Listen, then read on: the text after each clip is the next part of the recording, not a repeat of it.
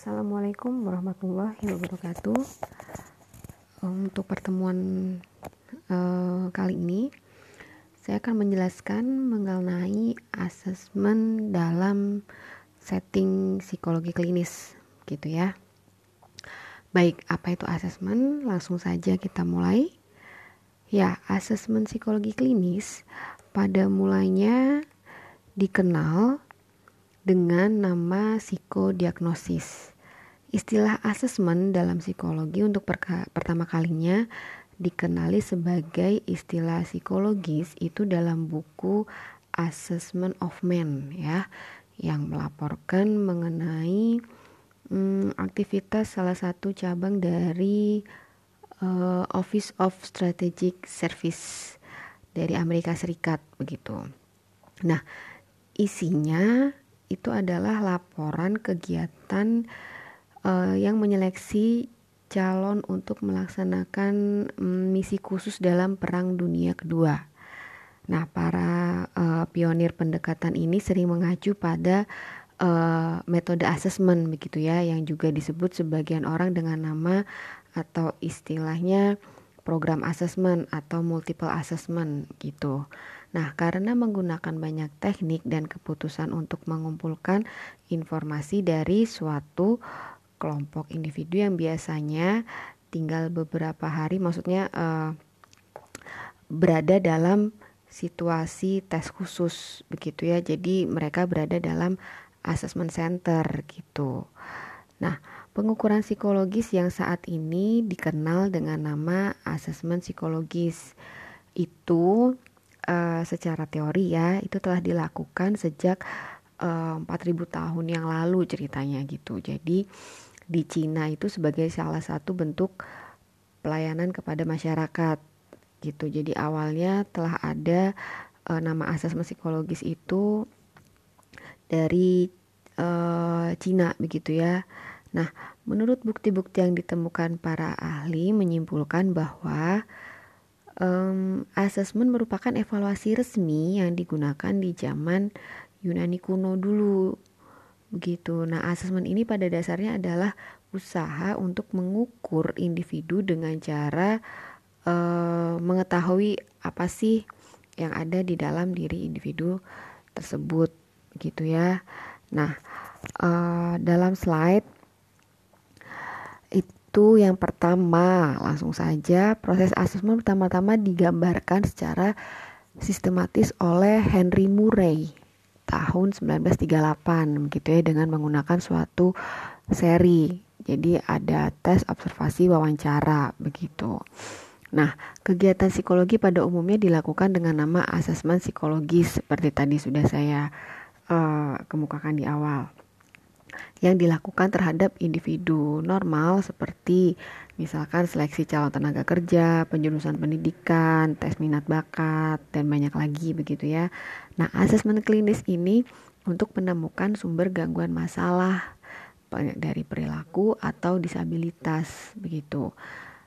Nah, selain itu, asesmen klinis juga terdiri dari dua kegiatan pokok yaitu asesmen psikologi dan uh, kegiatan mendiagnosis gitu. Nah, menurut Reynolds tahun 75 gitu asesmen uh, asesmen klinis itu digunakan untuk mengukur individu dengan cara melihat menyebab gangguannya begitu. Nah, sementara menurut Kendall tahun 82 asesmen klinis itu merupakan proses pengumpulan informasi mengenai klien Kendall juga mengemukakan bahwa asesmen sebagai usaha mendapatkan pemahaman yang lebih baik mengenai suatu uh, kondisi psikologi seseorang gitu. Nah, dalam proses asesmen sendiri, klinikus itu memilih metode asesmen dan melaksanakan, memeriksa serta menafsir informasi yang didapat. Nah, sementara ada pendapat lain yang menyatakan bahwa asesmen adalah menentukan macamnya informasi dan bagaimana cara kita melihatnya. Begitu. Nah, e, informasi yang telah dikumpulkan dalam asesmen klinis itu digunakan untuk menunjang keputusan-keputusan dari berbagai uh, tindakan yang akan dilakukan begitu ya seperti penyaringan dan diagnosis tadi, evaluasi dan intervensi serta uh, riset atau penelitian.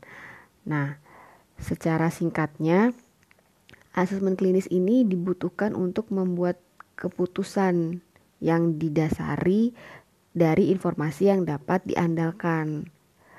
Nah, adapun alasan penyelenggaraan asesmen itu adalah penyaringan dan diagnosis serta evaluasi atas intervensi klinis yang telah dilakukan. Begitu. Nah, selain itu perlu juga ditekankan bahwa suatu asesmen itu diselenggarakan dengan tujuan tertentu, dengan sasaran tertentu, sehingga alat yang akan digunakan pun terbatas sesuai dengan kebutuhannya. Begitu. Jadi, hal ini perlu diingat karena adanya tes atau asesmen kepribadian sering disalahartikan menjadi suatu asesmen yang akhirnya pelaku asesmen mengetahui segala hal dari klien termasuk yang tidak berhubungan dengan tujuan pemberian asesmen itu. Gitu. Nah, alasan asesmen itu apa aja? Di sini uh, di slide selanjutnya asesmen klinis itu digunakan untuk menunjang keputusan-keputusan dan e, berbagai area tindakan seperti penyaringan dan diagnosis, evaluasi dan intervensi serta riset seperti tadi sudah saya jelaskan ya. Nah, asesmen klinis ini juga dibutuhkan untuk membuat keputusan yang didasari e, dari informasi yang dapat diandalkan seperti yang sudah tadi saya kemukakan juga. Begitu. Nah, alasan asesmen klinis itu adalah untuk menyajikan kepada seseorang mengenai dirinya sendiri sehingga dapat membuat keputusan yang terbaik untuk diri mereka. Misal, memberi keterangan kepada klien apa sebabnya dirinya merasa kurang tentram atau orang mengalami gangguan depresi. Lalu kita akses dulu nih, kita nilai dulu apa yang menjadi uh, penyebab gangguannya, uh, simptomnya gimana lalu ya sudah berapa lama terjadinya? Jadi kita runut dulu kita observasi dulu wawancara lalu kita kenakan tes yang sesuai misalkan begitu. Nah uh, lalu ada tiga jenis alasan uh, asesmen gitu ya. Yang pertama ada penyaringan dan diagnosis. Yang kedua ada evaluasi atas intervensi klinis. Dan yang ketiga ada riset Begitu. Nah, eh, apa saja penyaringan dan diagnosis itu? Ya, fungsi penyaringan dalam asesmen meliputi kegiatan memilih dan mengelompokkan orang menggunakan kemampuan klinikus dalam mengembangkan suatu metode uh, untuk mengumpulkan dan membuat keputusan yang baik begitu ya Misalnya untuk memudahkan seleksi dalam menentukan uh, kecocokan bagi program intervensi begitu maksudnya kecocokan uh, yang tepat untuk seorang individu misalkan begitu. Nah, asesmen dapat digunakan untuk memilih klien mana yang paling sesuai untuk mengikuti uh, misalkan program penyembuhan yang sedang di hmm, yang sedang diadakan di suatu rumah sakit misalkan begitu. Nah, uh, pengetahuan yang didapat dari asesmen klinis dapat juga digunakan untuk keperluan selanjutnya dengan maksud menentukan diagnosis yang akurat. Nah, diagnosis mengidentifikasikan masalah spesifik klien dan diarahkan pada usaha mengkomunikasikan secara efisien informasi tentang individu tertentu kepada uh, profesional lain. Jadi itu sebagai alat untuk berkomunikasi antara misalkan dokter dan psikolog atau satu profesional dengan profesional yang lain sehingga keputusan yang dibuat mengenai uh, cara yang terbaik untuk melayani klien itu berdasarkan informasi yang akurat begitu. Nah, asesmen klinis itu juga merupakan hal penting dalam menentukan jenis dan taraf gangguan jiwa. Begitu ya. Nah, dalam hal ini yang disebut diagnosis adalah ditentukan atau ditemukannya proses terjadinya gangguan dan termasuk kelompok atau jenis apakah penyakit tersebut gitu. Nah dengan diagnosis itu um, kita jadi tahu gitu, kita jadi lebih jelas uh, bagaimana uh, perkembangan uh, seorang individu begitu ya. Lalu yang kedua uh, alasan asesmen kedua yaitu evaluasi atas intervensi klinis. Nah, tanpa asesmen klinikus itu tidak dapat mengevaluasi efek intervensi klinisnya. Begitu. Data dapat dihimpun melalui asesmen untuk menentukan kekuatan, kelemahan, dan keparahan permasalahan psikologis klien pada sebelum, saat, dan setelah intervensi diselenggarakan. Nah, misalnya klien yang mengalami depresi karena perceraian itu tuh dapat diakses atau dapat dinilai mengenai berapa besar tingkat keparahan depresi atau kecemasannya itu. Tetapi uh, setelah diberikan treatment atau intervensi, lalu dapat dilakukan asesmen ulang untuk melihat apakah ada uh, gangguan yang menurun, maksudnya ad, ad, uh, gangguannya menjadi lebih ringan begitu ya. Nah, akibat diterapkannya suatu intervensi atau uh, treatment tertentu gitu. Nah, um, dalam melaksanakan salah satu perannya sebagai mental tester, nah psikolog klinis ini disebut juga sebagai mental tester gitu ya. Nah, psikolog klinis dapat menerima permintaan psikiater untuk melakukan assessment kepada kliennya gitu. Nah, untuk menentukan apakah pasien dari psikiater tersebut sudah dapat dinyatakan sembuh dan boleh meninggalkan um, rawat inap atau belum, misalkan gitu. Namun perlu juga dikemukakan bahwa dalam situasi tersebut seorang psikiater tetap bertanggung jawab atas tindakannya menahan atau memulangkan pasiennya. Jadi saran psikolog itu hanyalah salah satu pertimbangan saja, bukan merupakan satu-satunya uh, hal yang wajib di uh, diikuti gitu. Jadi kita harus lihat kondisi uh, pasien dari psikiater tersebut gitu. Nah, yang ketiga itu alasan asesmen adalah riset. Begitu ya, hal yang sangat esensial bagi semua kegiatan riset adalah asesmen yang digunakan dalam hmm, suatu investigasi begitu. Nah, dalam riset, asesmen dimaksudkan untuk menguji hipotesis yang spesifik dalam menangani baik perilaku normal maupun abnormal atau perilaku yang mengalami disfungsi psikologis gitu ya dan dirancang untuk mendapatkan informasi baru yang dapat meningkatkan pemahaman kita mengenai uh, diri individu tersebut.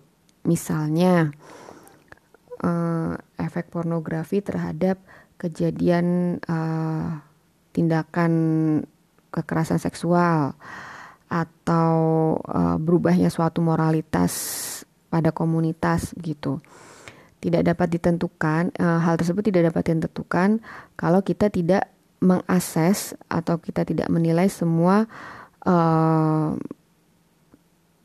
semua yang terlibat gitu. Jadi eh, kira-kira lingkungannya kita lihat juga uh, dari diri individu tersebut juga kita akses. Lalu hal hal-hal yang terkait juga kita lihat gitu ya. Nah riset juga digunakan untuk mengevaluasi kekuatan dan kelemahan instrumen asesmen yang ada gitu dan mengembangkan metode asesmen baru yang dapat digunakan di uh, kemudian hari begitu. Nah, selain itu terdapat perbedaan yang tidak begitu uh, tidak begitu esensial begitu ya. Tetapi penting dalam membedakan riset dalam psikologi klinis dengan riset dalam psikologi abnormal atau psikopatologi. Nah, secara kasarnya nih, misalnya dapat dikemukakan bahwa dalam riset psikologi abnormal atau psikopatologi, kegiatan riset itu dilakukan dengan metode induktif. Misalkan dengan maksud membangun kaidah-kaidah mengenai segala hal yang menjadi wilayah cabang ilmu ini, begitu ya. Misalnya mengenai sebab gangguan atau hubungan antara timbul dan berkembangnya suatu gangguan jiwa dengan uh, perkembangan suatu komunitas tertentu. Sementara dalam psikologi klinis, riset dilakukan dengan metode deduktif mengenai seberapa jauh efek dari suatu terapi tertentu berhasil dalam menangani gangguan uh, tertentu pada orang-orang dari uh, berbagai macam latar belakang begitu ya. Namun lebih jelasnya kalau dalam psikologi abnormal tujuannya adalah untuk membangun kaidah maka dalam psikologi klinis tujuannya adalah menguji efektivitas penggunaan kaidah-kaidah tersebut.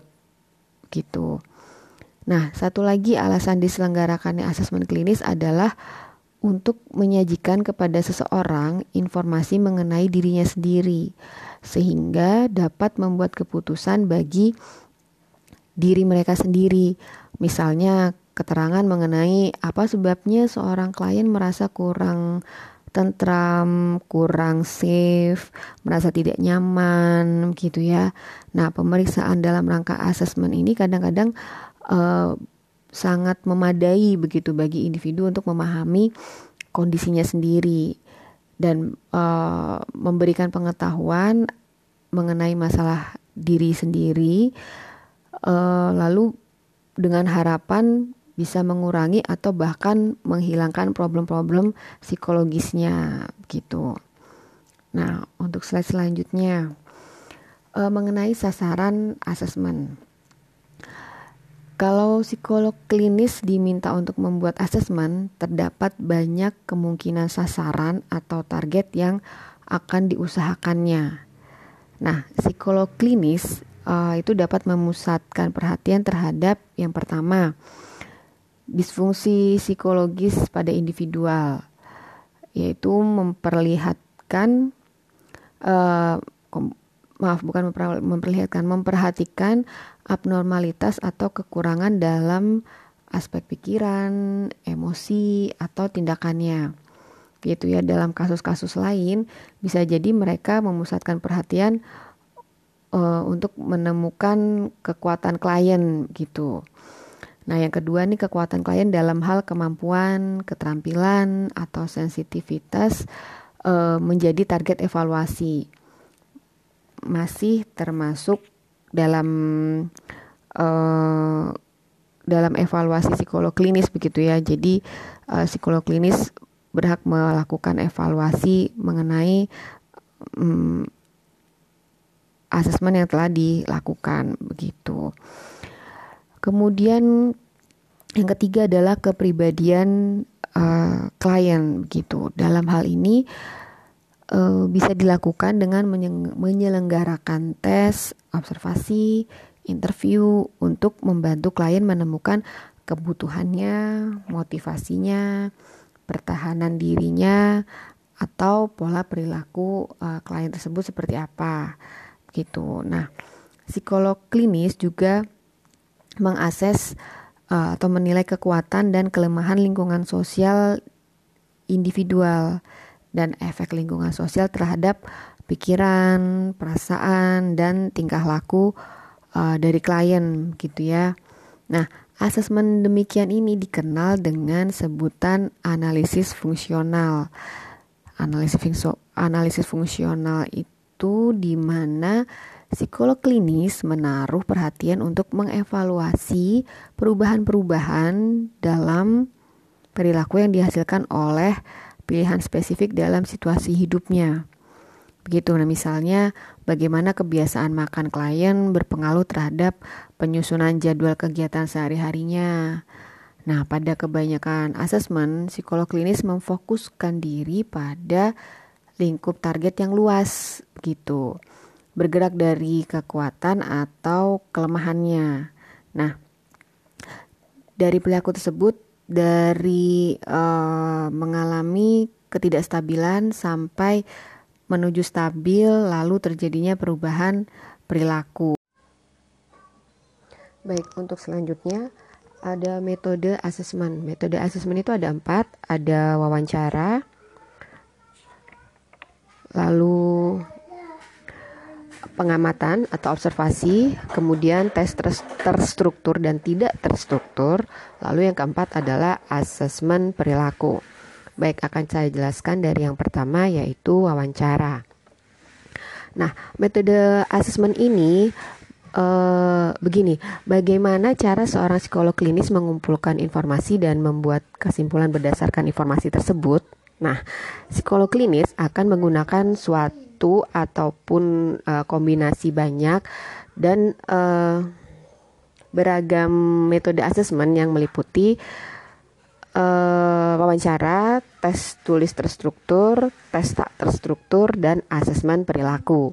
Begitu ya. Nah, dalam wawancara ini, uh, gini, banyak kalangan profesional yang menggunakan wawancara sebagai metode asesmen. Meskipun wawancara itu kadang-kadang merupakan satu-satunya metode yang digunakan oleh seorang klinikus. Nah, tetapi pada umumnya untuk asesmen uh, klinis, wawancara digunakan bersama-sama dengan metode lain.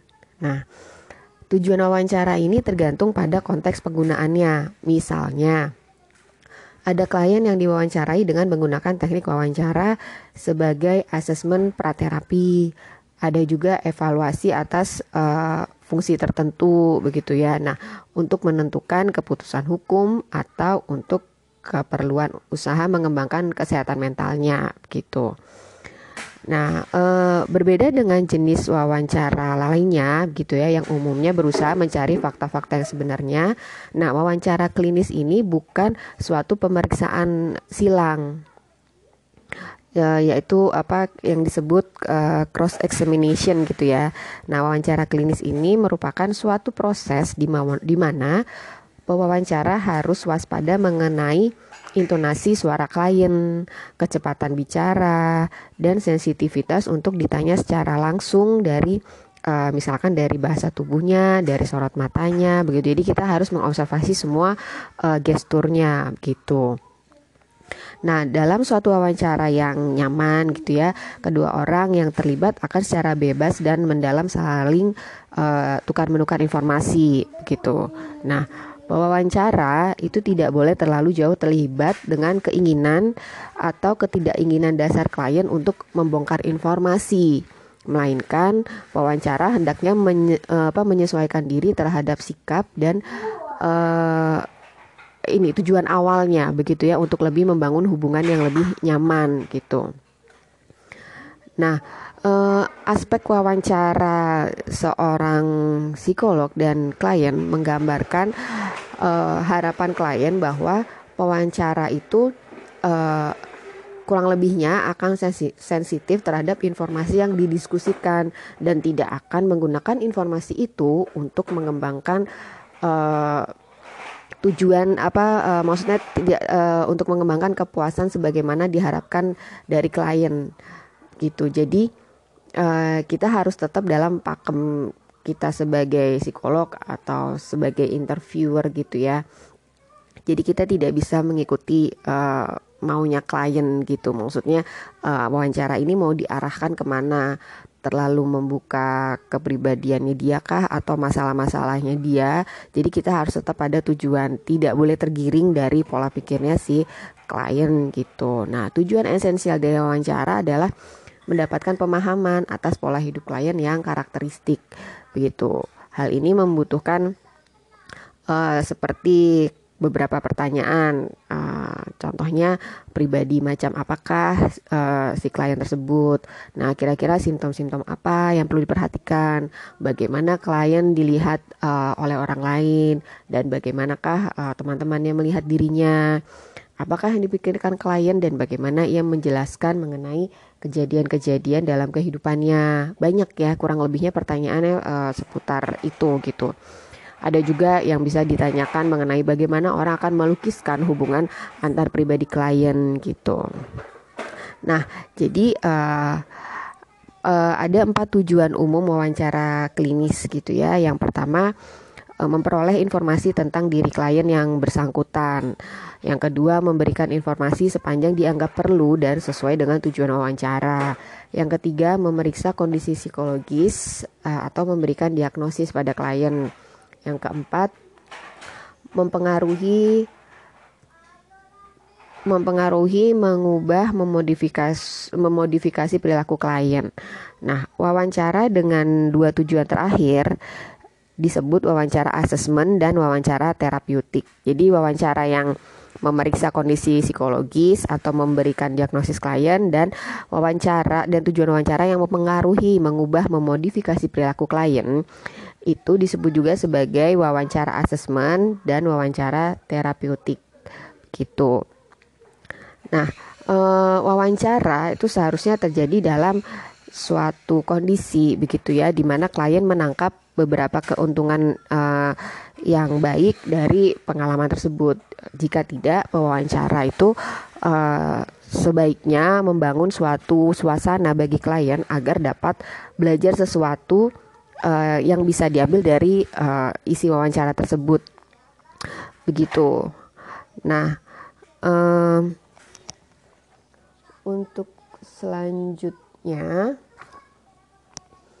ya terdapat uh, beberapa jenis uh, wawancara sebetulnya ya banyak banget uh, tapi belum saya tuliskan di uh, slide ada wawancara mengenai um, status mental, wawancara sosial klinis, wawancara yang difraksikan, wawancara terstruktur, begitu ya.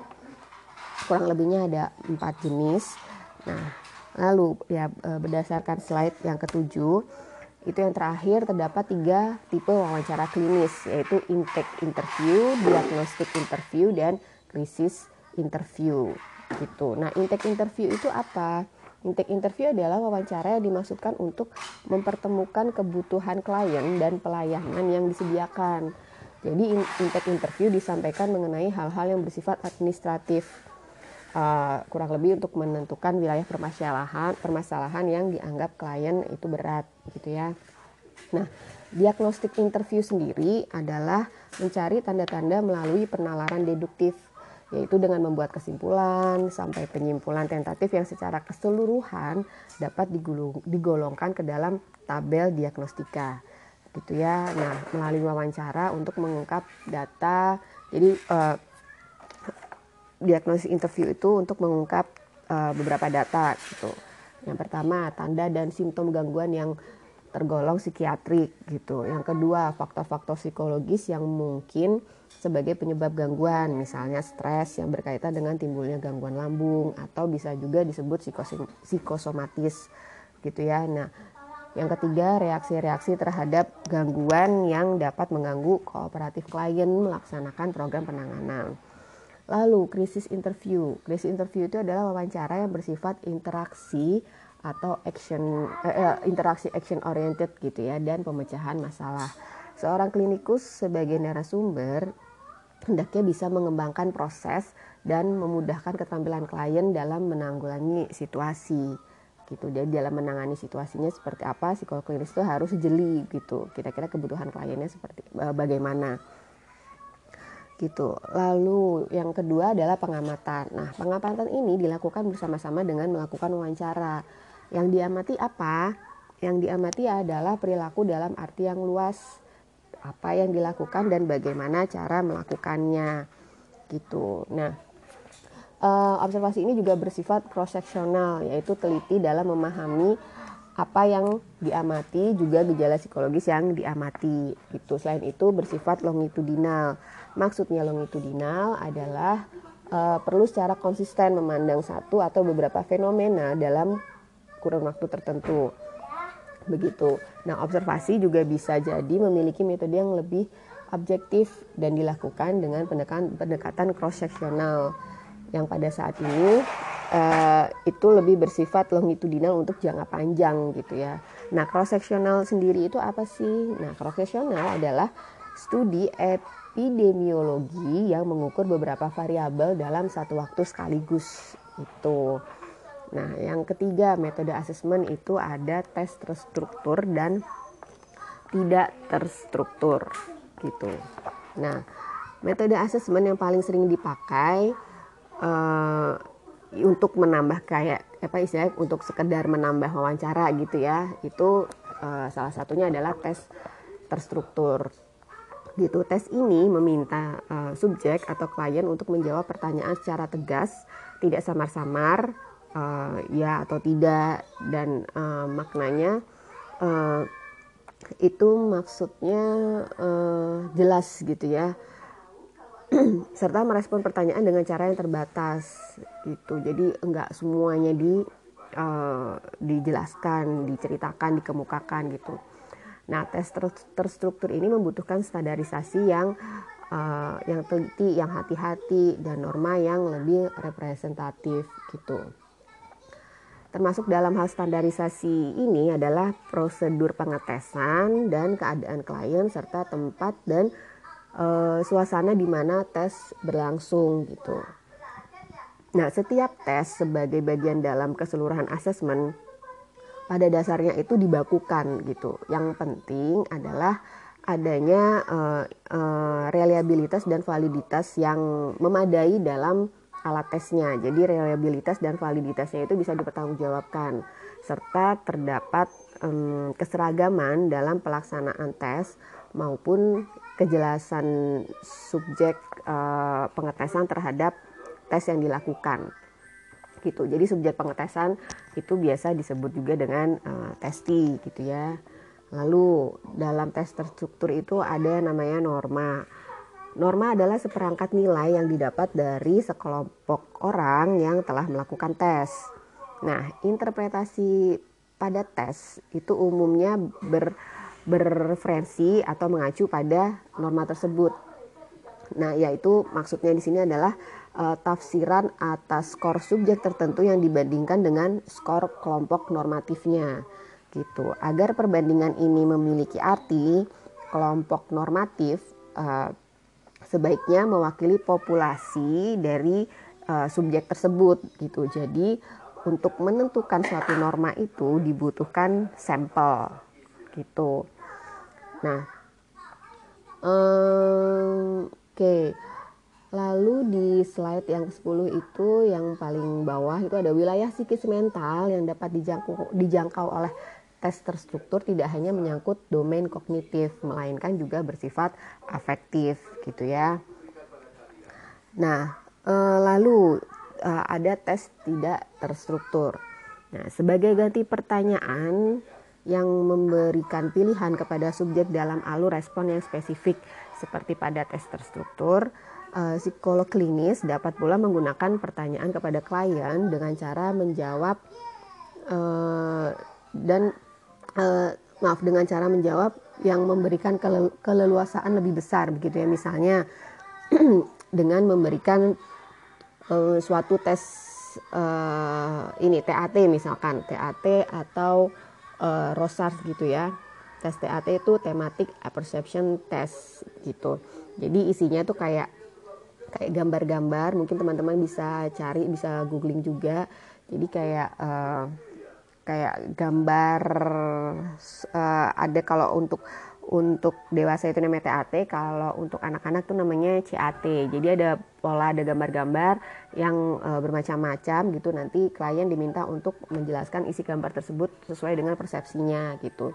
Atau Rosar e, inkblot test. Jadi itu kayak tes e, tes tinta gitu ya, tes apa e, kayak istilahnya e, bocoran tinta gitu. Jadi e, gambarnya cenderungnya uh, bentuknya hitam gitu. Nanti teman-teman bisa searching juga uh, contoh tes rosasnya seperti apa karena kan ini uh, kita pandemi ya jadi saya tidak bisa menunjukkan uh, alat tesnya gitu. Alat tesnya um, ada di lab sebetulnya. Di lab di kampus ada gitu. Nah, uh, tes tersebut disebut tak, tidak terstruktur karena stimulus tesnya tidak membutuhkan jawaban yang ditentukan secara tegas dan jelas jadi kan jawabannya tiap klien itu berbeda gitu, tiap subjek itu berbeda, tergantung dengan kondisinya saat itu gitu, tergantung persepsi klien juga. Jadi yang menentukan adalah faktor pribadi dari testi gitu ya. Nah dalam TAT misalnya, kepada subjek maaf diberikan suatu gambar dan uh, subjek tersebut diminta untuk menceritakan apa saja kesan yang ia dapat dari apa yang ia lihat di kartu tersebut. Lalu yang selanjutnya adalah asesmen perilaku. Nah, uh, dalam situasi klinis observasi itu digunakan untuk mendapatkan informasi yang tidak diperoleh melalui wawancara lalu mengevaluasi ketepatan komunikasi verbal klien dan konsistensi dengan komunikasi non verbal gitu ya. E, kemudian membuat kesimpulan mengenai keadaan klien, perasaan dan motivasi yang perlu mendapat perhatian khusus terhadap perilaku klien gitu. Uh, kemudian pendekatan behavioral dalam asesmen uh, itu mengarahkan pada perilaku yang langsung dijaring dalam proses uh, investigasi, kurang lebihnya begitu. Lalu pendekatan behavioral dalam asesmen perilaku ini dirancang untuk menggambarkan pola perilaku kehidupan nyata klien serta akibat dari keadaan lingkungan terhadap pola-pola perilaku. Misalnya, klien yang menderita fobia berada di tempat tinggi. Nah, psikolog dapat memeriksa seberapa uh, rasa takut ketinggian yang muncul gitu. Sehingga sangat objektif bisa dipahami gitu. Contoh lain, uh, misalkan uh, rasa cemas klien kalau melakukan suatu diskusi. Kalau suatu siang ia akan mengikuti diskusi, uh, sejak kapan ia mulai timbul rasa cemas meskipun ringan saja gitu ya. Nah kalau diteruskan, kapan rasa cemas itu menimbulkan pikiran untuk tidak datang ke diskusi misalnya. Nah reaksi yang biasanya muncul itu sering buang air kecil, telapak tangan berkeringat, perilaku tidak sepenuhnya terkendali gitu. Ya banyak ya ya gejala-gejala yang menunjukkan reaksi kecemasan gitu. Nah, penelusur, penelusuran ini disebut sebagai penelusuran in vitro. Nah, teman-teman bisa catat ya. Nah, bisa juga sebagai in vivo, misalnya dengan mengumpulkan beberapa orang dan mempersilahkan uh, klien atau rekan-rekannya itu berdiskusi. Nah, reaksi-reaksi klien ini diobservasi secara lengkap. Nah, biasanya di dibuat dalam suatu kategori begitu. Jadi uh, psikolognya yang atau si observernya yang membuat kategori dari gejala-gejala tersebut. Gitu. Lalu uh, laporan psikologi ya. Dalam uh, laporan psikologi itu ada dua bagian. Yang pertama ada format umum dan yang kedua mengintegrasikan data asesmen gitu ya. Nah, setiap metode asesmen itu memberikan sumbangan bagi pemahaman terhadap klien. Dalam praktek e, nyatanya gitu. Nah, asesmen ini asesmen yang lengkap itu meliputi metode yang multiple gitu. Jadi e, jika melakukan asesmen untuk dapat membuat evaluasi psikologi itu biasanya digunakan uh, baterai test assessment gitu ya. Nah, bisa jadi dimulai dengan suatu wawancara, kemudian dilanjutkan dengan uh, tes terstruktur tertentu atau tes tidak terstruktur dan bahkan uh, kita juga melakukan observasi perilaku yang relevan dengan uh, permasalahan klien gitu. Nah, hasil hasil uh, hasil dari bermacam-macam metode ini diorganisasikan, diintegrasikan uh, dan dikomunikasikan dalam suatu laporan psikologis. Nah, sampai saat ini terutama ya suatu laporan itu dibuat sebagai jawaban atas permintaan profesional lain. Jadi kita membuat suatu laporan psikologi itu sebagai dasar jika nantinya uh, si klien itu akan uh, uh, istilahnya akan periksa ke uh, psikolog lain. Misalnya, misalkan saya membuat si klien ini gini contohnya tes uh, tes intelijensi aja lah ya, tes IQ. Tes IQ itu ada uh, jangka waktunya dalam waktu satu tahun. Jadi misalkan ada satu subjek uh, atau klien uh, setelah diperiksa dilakukan tes, ada laporannya, uh, di situ dinyatakan bahwa kurang lebihnya satu tahun kemudian, uh, jadi itu berlaku selama satu tahun tes itu. Nah, ketika dia pergi ke profesional lain, hasil laporan psikologi itu dapat dijadikan uh, bahan uh, jadi kayak status kesehatan mentalnya gitu gitu ya. Nah jadi ketika baik saya lanjutkan ya. Tadi sampai mana ya? Hmm, maaf tadi ada gangguan sedikit. Nah begitu pokoknya uh, intinya uh, jadi dalam uh, suatu laporan psikologis itu uh, digunakan untuk uh, sebagai media uh, antara satu profesional dan profesional lain itu berkomunikasi. Jadi uh, istilahnya itu sebagai status kesehatan mental gitu ya. Ketika klien ingin uh, memeriksakan dirinya ke uh, profesional lain, uh, dia sudah ada uh, datanya di situ. Jadi tidak perlu dilakukan pemeriksaan uh, ulang gitu misalkan. Gitu. Nah, uh, psikolog klinis sendiri itu juga sebetulnya dapat melakukan pemeriksaan atau asesmen untuk keperluan uh, keperluan dirinya sendiri bagi penanganan yang lebih dalam dan teknis terhadap kliennya. Jadi uh, si psikolognya itu juga bisa melakukan uh, suatu rangkaian asesmen untuk memeriksa lebih dalam mengenai kliennya. Nah, yang penting yang disadari dalam hal ini adalah bahwa membuat laporan merupakan suatu upaya membangun komunikasi antara pembuat laporan dengan penerima laporan, gitu. Jadi uh, komunikasi yang terbangun antara uh, pelapor dan penerima laporan itu uh, ditandai dengan adanya pemahaman yang sama begitu ya. Nah, sehingga uh, uh, jadi kesimpulan yang ingin didapatkan itu sama-sama dipahami antara kedua belah pihak gitu. Nah, selain itu terlihat pentingnya perbedaan dalam laporan gitu. Jadi laporan itu seyogianya dibuat dengan mengacu pada uh, latar belakang permasalahan klien dan keahlian dari psikolog yang uh, membuat gitu ya. Nah, suatu laporan bagi seorang dokter jiwa misalkan, nah bisa jadi berbeda jika dibandingkan dengan laporan bagi guru atau orang tua. Jadi psikolog harus membuatnya secara berbeda. Lihat dulu ini yang mau diberikan laporan itu uh, siapa gitu meskipun laporannya itu masih sama mengenai seorang anak yang uh, memiliki keluhan yang sama. Namun sebuah laporan untuk seorang neurolog misalnya itu tidak bisa dipahami oleh seorang guru dan tidak tidak bisa dipahami juga uh, oleh seorang uh, profesional yang lain. Jadi ketika membuat laporan itu uh, psikolog lihat ini ter tertuju oleh orang tua, guru atau siapa. Kalau orang tua kita bisa bikin dengan bahasanya sederhana ketika itu laporan untuk seorang dokter, neurolog atau uh, yang lainnya. Nah, kita bisa menyesuaikan bahasa-bahasa uh, klinisnya bisa di bisa dicantumkan gitu ya. Gitu. Nah, lalu yang kedua adalah mengintegrasikan data asesmen. Nah, pemeriksa itu men-score seluruh tes dan membuat daftar pertanyaan sesuai maksudnya. Beberapa pertanyaan mengenai sisi fung apa, fungsional, perseptual, kemampuan motor, suasana hati, kemampuan untuk menanggulangi, kekuatan yang dimiliki, stres dan sumber daya lingkungan saat ini uh, banyak yang bisa diungkap gitu. Nah, kemudian pemeriksa juga mengambil uh, setiap alat tes yang dibutuhkan sesuai kondisi klien. Nah, setiap tes digunakan berbeda sebagai pendukung hasilnya gitu ya.